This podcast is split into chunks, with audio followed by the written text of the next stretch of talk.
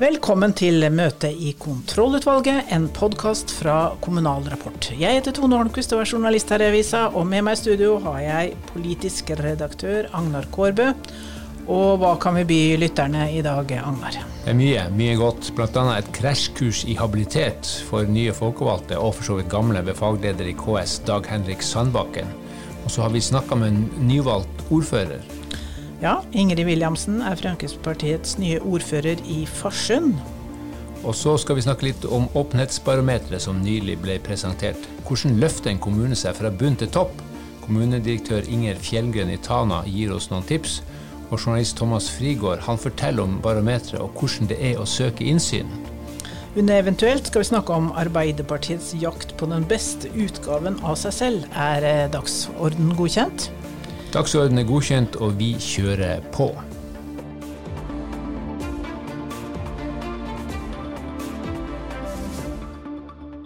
Da har vi fått eh, Dag Henrik Sandbakken i studio. Han er fagsjef for Folkevalgt-programmet. Sandbakken, vi skal snakke litt om eh, habilitet. Ja. Hva er habilitet? Det er sånn at uh, Når du skal behandle en sak som folkevalgt, for så vidt og de roller som ansatt og saksbehandler i en kommune eller fylkeskommune, så må du vurdere om du eller noen av dine nærmeste har en interesse i saken. Det er liksom punkt nummer én. Og dine nærmeste, det er da? Ja, Det kan være uh, ektefelle, samboer. Det kan være uh, slektskap i opp- og nedadgående linje. Uh, men det kan òg være andre forhold som gjør at du må vurdere habiliteten din. Uh, og det skal, Hvilke andre forhold da? Det kan være at du har økonomiske interesser f.eks. Uh, eller noen av dine nærstående har en økonomisk interesse. Men det kan òg være forhold som tilsier at kommunestyret eller fylkestinget som kollegialt organ må vurdere om du er habil eller, eller inhabil til å være med å behandle en sak. Hvordan håndterer kommunene dette her? Når eh, du får eh, sakene som skal behandles, så skal det alltid være sånn at du skal vurdere er det noen saker her hvor det kan stilles spørsmål ved min habilitet. Eh, hvis du er i tvil, så skal du melde det i god tid til ordfører, sånn at ordfører kan få, få administrasjonen til å vurdere, om, vurdere din habilitet. Du må altså gi de opplysninger som er nødvendige. Da er de forberedt, og når du kommer til møtet, når saken åpnes, så ber du om ordet. Går på talerstolen og forklarer hva er situasjonen. Eh, forholdet er eh, sånn og sånn. Jeg er, eh, har en ektefelle som har en interesse i den saken. Og jeg ber da kollegiet, for det er kollegiet, kommunestyret eller fylkestinget, som da vurderer habiliteten. Og når du har forklart hva som er situasjonen, så skal du tre til side. Du skal ikke delta i den debatten som da går. Og før saken i hele tatt realitetsdebatteres, så skal habiliteten vurderes. Og veldig ofte så vil da ordfører komme med en tilrådning. Jeg råder kommunestyret å erklære vedkommende f.eks. inhabil, og så stemmes det over det. Og når kollegiet har tatt en beslutning, er du inhabil, så får du ikke være med i behandlingen. Det betyr ikke at du må gå ut av rommet. ikke sant? Du kan sitte der, men du får ikke lov å delta i, i behandlinga. Eh, og så behandles saken, og veldig ofte er det sånn da at når dette er godt forberedt, så er det innkalt vararepresentant som tar din plass ved behandlingen av den saken. Og dette er veldig aktuelt i alle kommunestyrer. Jo mindre kommunen er, jo mer aktuelt er det? kan vi ja, si. Som en sa en tidligere, er, altså, sånn kan det være i alle kommuner. Store og små. Men uh, ofte så kan du se at det kan være en større utfordring i små kommuner, men ikke nødvendigvis. Men vi bruker mye tid på det her i KS sitt folkevalgtprogram, uh, fordi at det er viktig for tilliten til lokaldemokratiet at uh, habilitetsspørsmål håndteres ordentlig. Så Det starter altså med at den enkelte representanten sjøl må skjønne at nå nærmer jeg meg et, en sak ja. hvor jeg kan uh, være inhabil. Ja. Men så må vi da huske på at det å være inhabil er ikke noe galt i det? Nei, absolutt ikke. Det er ikke noe galt i det. Det som er galt, er at du ikke sier noe om det. Ja. Er, vi, er, det mange tilfeller av uh, saker hvor det har blitt diskusjon om habiliteten i etterkant av vedtak, og at man dermed har fått en ekstra runde om uh, vedtaket var lovlig? Ja, det, det hender seg jo. Jeg kan jo ikke si at jeg ser at det er veldig vanlig, men den oversikten har jeg jo ikke fullt ut. Men det hender seg. Og da er det jo mekanisme i kommuneloven som regulerer det. Altså en kan be om lovlighetskontroll av et, en sånn type vedtak. Og dersom det folkevalgte organet står fast ved beslutningen, så vil det gå til statsforvalteren, eventuelt til departementet, da, for endelig avgjørelse. Men er det noen som Jeg har vært en del i kommunestyrer. Noen er litt for forsiktige. De sier at det er venninna mi som skal bygge en garasje, det er mm. jeg jobber sammen med som skal bygge denne mm. garasjen. Mm. Er jeg da inhabil? Ja, nei, altså Det er veldig viktig at uh, habilitetsreglene er ikke et bekvemmelighetsflagg. Det er ikke sånn at du skal si at, uh, be om uh, å bli erklært inhabil fordi at du syns det er litt vanskelig dette her og det blir litt nært. Det er, det er en konkret vurdering som skal gjøres. Og jeg tror det viktigste du gjør, er å melde spørsmålet tidlig, sånn at eh, eh, administrasjonen kan få gjort en ordentlig juridisk vurdering av saken, og at ordfører gjennom det kan redegjøre godt og tydelig for hva eh, loven sier, eh, og hva jussen sier. Og så er det altså opp til kommunestyret da. Så det er, det er, viktig å behandle det her ordentlig, og mitt inntrykk er at uh, veldig mange kommuner har veldig gode rutiner, ja, og fylkeskommuner har gode rutiner på nettopp det. Det var jo en kommentar jeg fikk. Det var riktignok før denne siste omdreininga i saken knytta til Solberg og hennes ektemann. Så var det en ordfører som sa til meg at dette gjør vi jo hele tida. Mm. Dette er jo ikke vanskelig. Men jeg tror det er veldig viktig at altså, ordfører, altså nå går vi inn i en ny periode, at ordfører har litt oppmerksomhet rundt det her og prøve å spille representantene gode og gjøre dem oppmerksom på de reglene. I Folkevalgtprogrammet så bruker vi mye sånn case- og refleksjonsoppgaver, og erfaringen er at det er nyttig. fordi at da får de en viss praktisk kunnskap rundt det, som gjør at de lettere kan være oppmerksom på det og be om å få vurdert habiliteten sin. Trene habilitetsmuskelen? Rett og slett. Det er, det er god, god, god tidsbruk å øve litt på nettopp sånne spørsmål. Da skal vi gå til et eh, aktuelt tema, nemlig aksjer og, det å være folkevalgt. Er, kan man trade aksjer og være folkevalgt i et kommunestyre? Er det noen problemer? Ja, Nei da, det kan. Det er fullt lovlig for alle å trade eller handle i aksjer. Eh, men du skal være oppmerksom på hva du gjør. Så er nok problemstillingen litt annerledes i et kommunestyre og et fylkesting enn det er når du sitter i regjering. Det er klart. Men for all del, det er fullt mulig, men det gjør at du kanskje Altså kjøper du aksjer i lokale selskaper, eh, så kan det være at du har en økonomisk interesse eh, den dagen det eventuelt kommer en sak om det selskapet du har aksjer i. Det er klart, det kan skje. Men problemet er ikke det samme som i regjering. Det er det ikke. Folkevalgtprogrammet, hva er nytt i år? Eh, for det første er det faglige stoffet er jo videreutvikla, så vi har jo noe ny kunnskap som vi har tatt inn. Men det jeg vil trekke fram særlig, er at vi har lagd et eget eh, digitalt modulbasert opplegg for nye folkevalgte. Som eh, starter med det konstituerende møtet. Hva skjer? Hva må jeg forberede meg på? Hva kan gå galt? Åssen skal jeg oppføre meg? Og så går det videre liksom, gjennom rollen og, og samspill med administrasjon, og det har litt om kommuneøkonomi, om planlegging osv. Og, så og det er et opplegg du kan ta individuelt når du ønsker, eh, og gjerne i forkant av at vi gjennomfører folkevalgtprogrammet med hele kommunestyret og den ledende administrasjonen eh, i forkant. Så jeg vil si én ting til òg. Jeg tror faktisk det passer ganske godt for å erfarne folkevalgte. Og administrasjoner, for så vidt. For det, det er en blanding av tekstlig informasjon, podkast, filmer til refleksjon, og litt refleksjonsoppgaver som du kan fundere på etter hver modul. Høres ut som noe en kan gjøre i gruppa òg? Det er det absolutt. Jeg tror det kan være en god idé. Det å bidra til å spille de folkevalgte og de nye så god som mulig, så tidlig som mulig, det er godt eh, anvendt tid. Du er jo en erfaren eh, lokalpolitiker, har vært ordfører og har jobba med dette programmet i årevis. Hvis du skulle gi ett råd til nye kommunestyrer, og spesielt de som er helt ferske der. Hva mm. skal det være? Ikke være med å vedta noe du ikke forstår konsekvensen av. Spør og få det oppklart. Hva betyr det her? Sånn at du er trygg og sikker på at du, det du eh, stemmer for, at du forstår hva det betyr. Takk til eh, Dag Henrik Sandbakken, fagsjef i KS.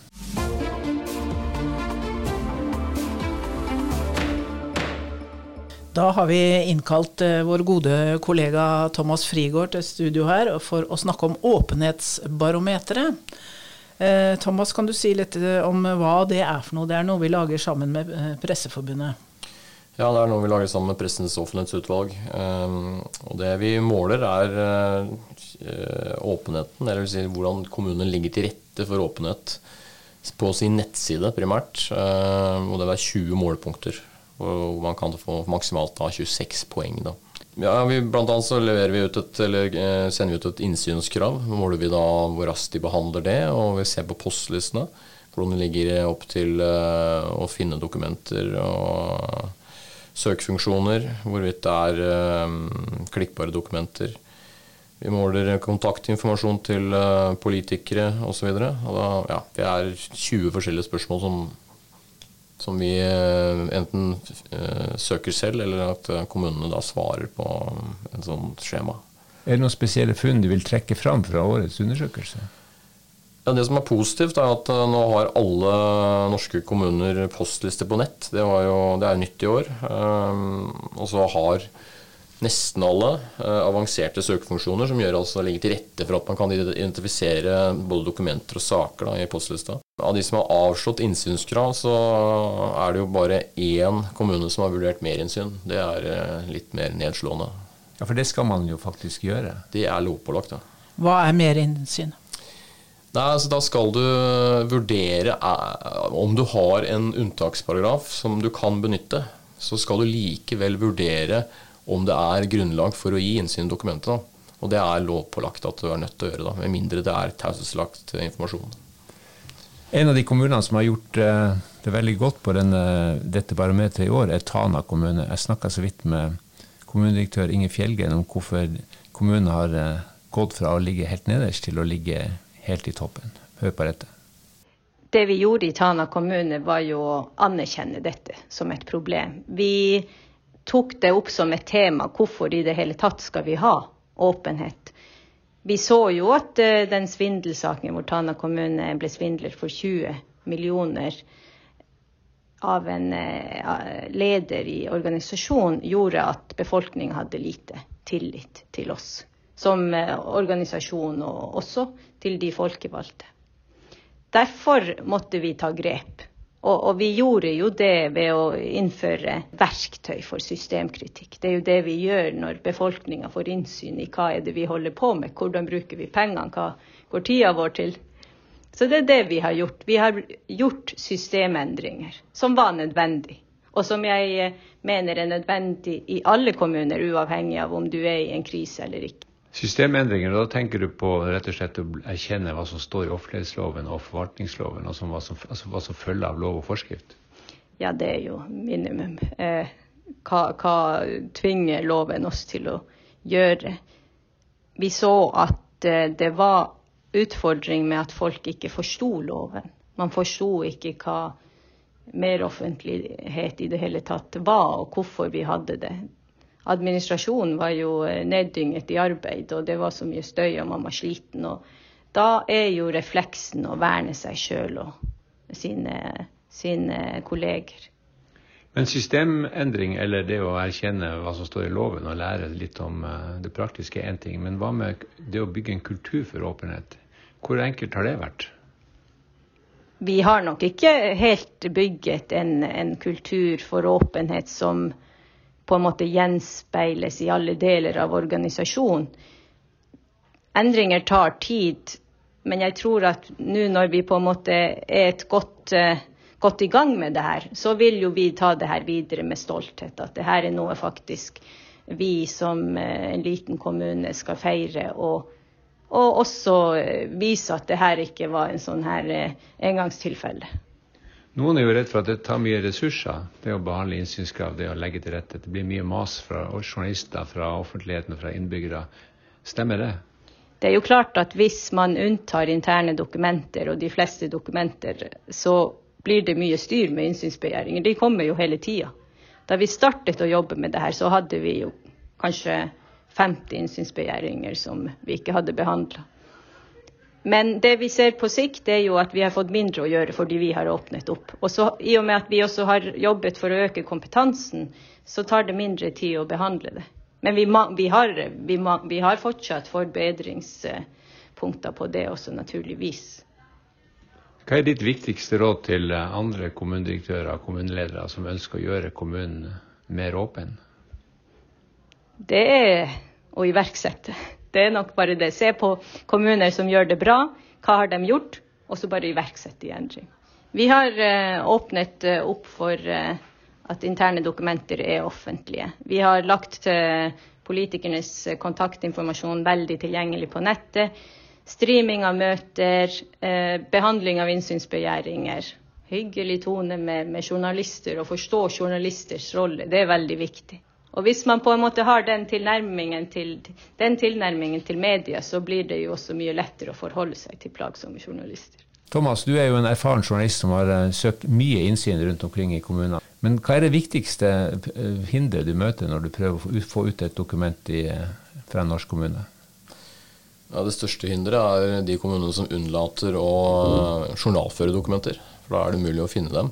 Uh, mulig å vite at det eksisterer. Men uh, de som ligger der, og når du ber om innsyn, den største, største hinderet som jeg opplever det, er jo at uh, er det et dokument man ser at dette er, ønsker vi ikke ut, så er det jo bare å avslå, og så trenerer man klagen. typ Kautokeino velger da bare å si nei det, når statsforvalteren ber om dokumentene. Vi sender ikke over dokumentene til neste klageinstans. Og så er det ingen sanksjonsmuligheter for statsforvalteren. Men Kautokeino og den saken der, det er vel sånn, det er ytterligheten. De andre kommunene, er det som du sier, det er litt sånn mangel på systemer, litt mangel på lov, god lovforståelse? Er det et uh, gjennomgående problem? Ytterligheten med Kautokeino er at de erkjenner at uh, det er det nettopp det de har gjort. Uh, men man får jo følelsen mange ganger at det er også en del andre kommuner som opererer på samme måte nå. Hva er ditt beste råd til kommuner som skjønner at vi må faktisk vi ønsker å være åpne. Vi ønsker å følge offentlighetsloven, forvaltningsloven, arkivloven. Da er mitt beste råd snu på den spørsmålsspørsmålet spørsmålet de stiller seg selv. Ikke let etter muligheter for å unnta, men let etter muligheter for å offentliggjøre.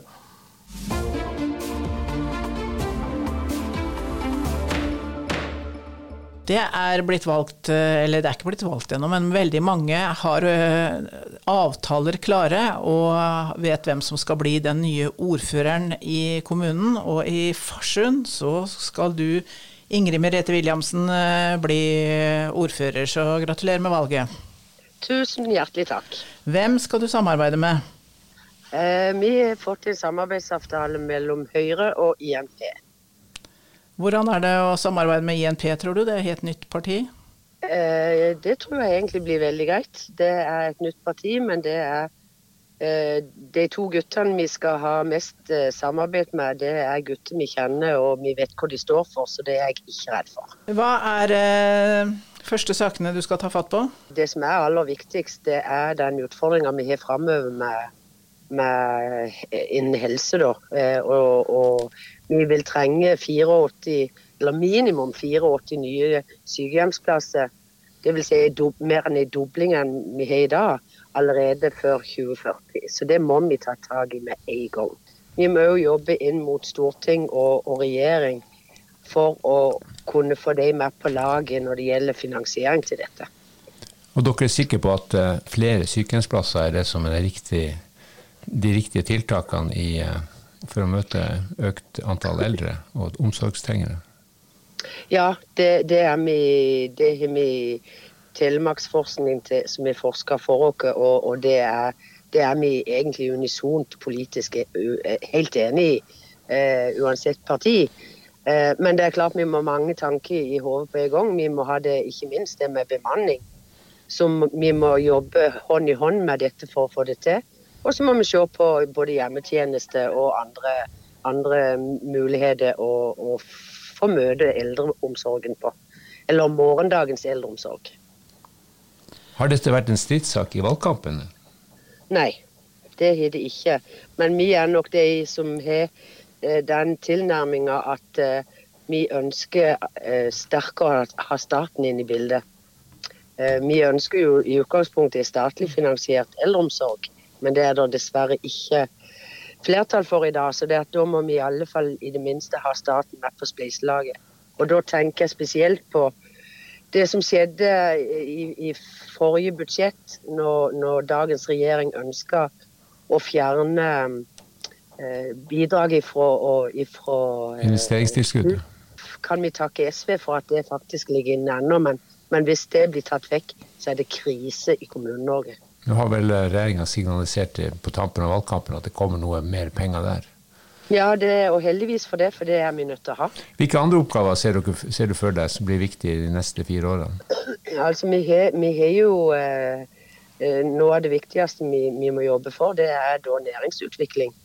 Eh, som eh, eh Vi har hatt mange fisk på kroken, men de har sluppet i siste tak i, i vår kommune. Så det at eh, vi må jobbe knallhardt for å, for å, å få mer næring til kommunen.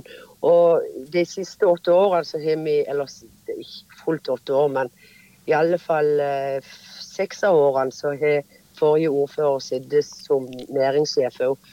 Det mener jeg er uheldig. Så vi må få en næringssjef på plass som i samarbeid med ordfører og kommunestyre kan eh, tilegne seg mer næring til kommunen vår. Lister har flere Frp-ordførere. Hvorfor er det så mørkeblått?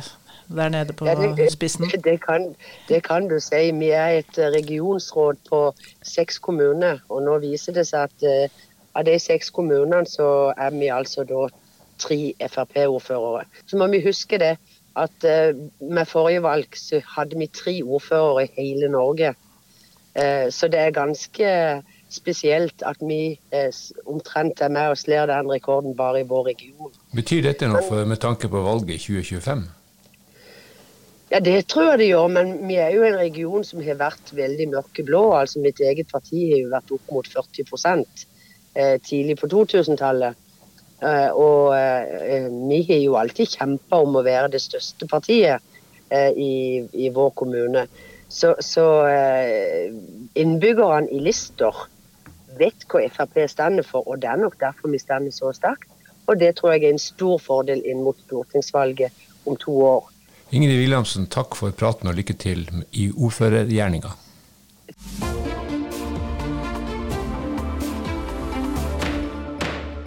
Da har vi kommet til eventuelt, og det er jo to uker siden eh, valget allerede. Mye har skjedd. Valgvinneren Høyre og partiets merkevare og leder Erna Solberg har vært i hardt vær.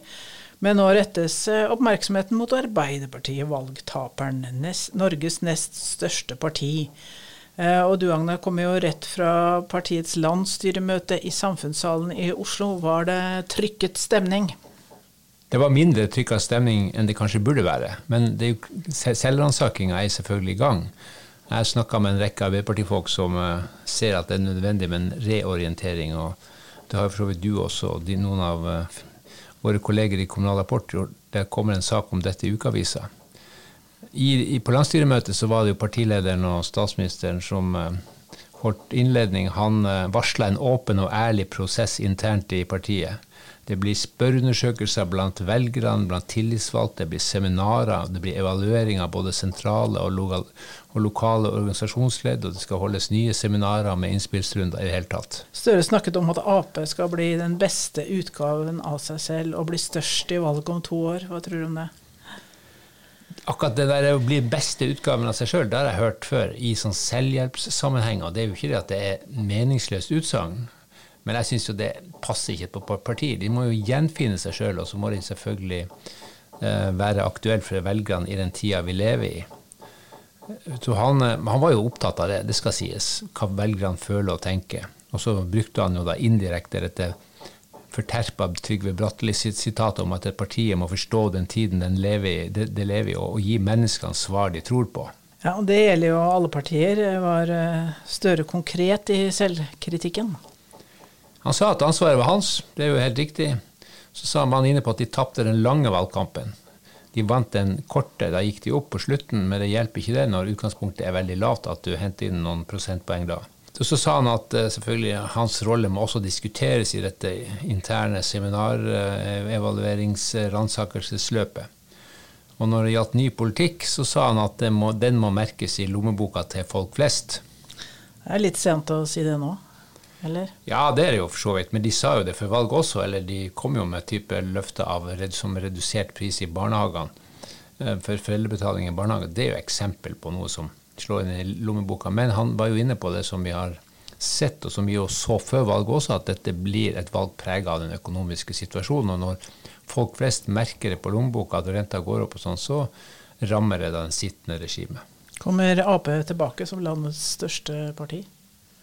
Jeg ser ikke bort fra det. Det kan jo selvfølgelig skje. Vi, jeg tror vi får en situasjon hvor partiene som Høyre og Arbeiderpartiet vil bevege seg litt opp og ned. Høyre ble størst, men de har jo gjort langt bedre valg enn ca. 25% Men det jeg savna, det var jo en leder som kombinerte ærlig selvkritikk med noen sånne djerve mål om hva Arbeiderpartiet skal være. Liksom, som visste at han skjønte at nå er de i en alvorlig, ikke bare en alvorlig situasjon, men en krise, for de har tapt alle de folkerike om, eh, områdene. Så denne talen den bar litt for mye preg av å være innledning til et seminar i en virksomhet hvor det butter litt, hvor de skjønner at nå må vi skjerpe oss litt, men hvor man ikke helt tatt inn over seg at, at det er kritisk.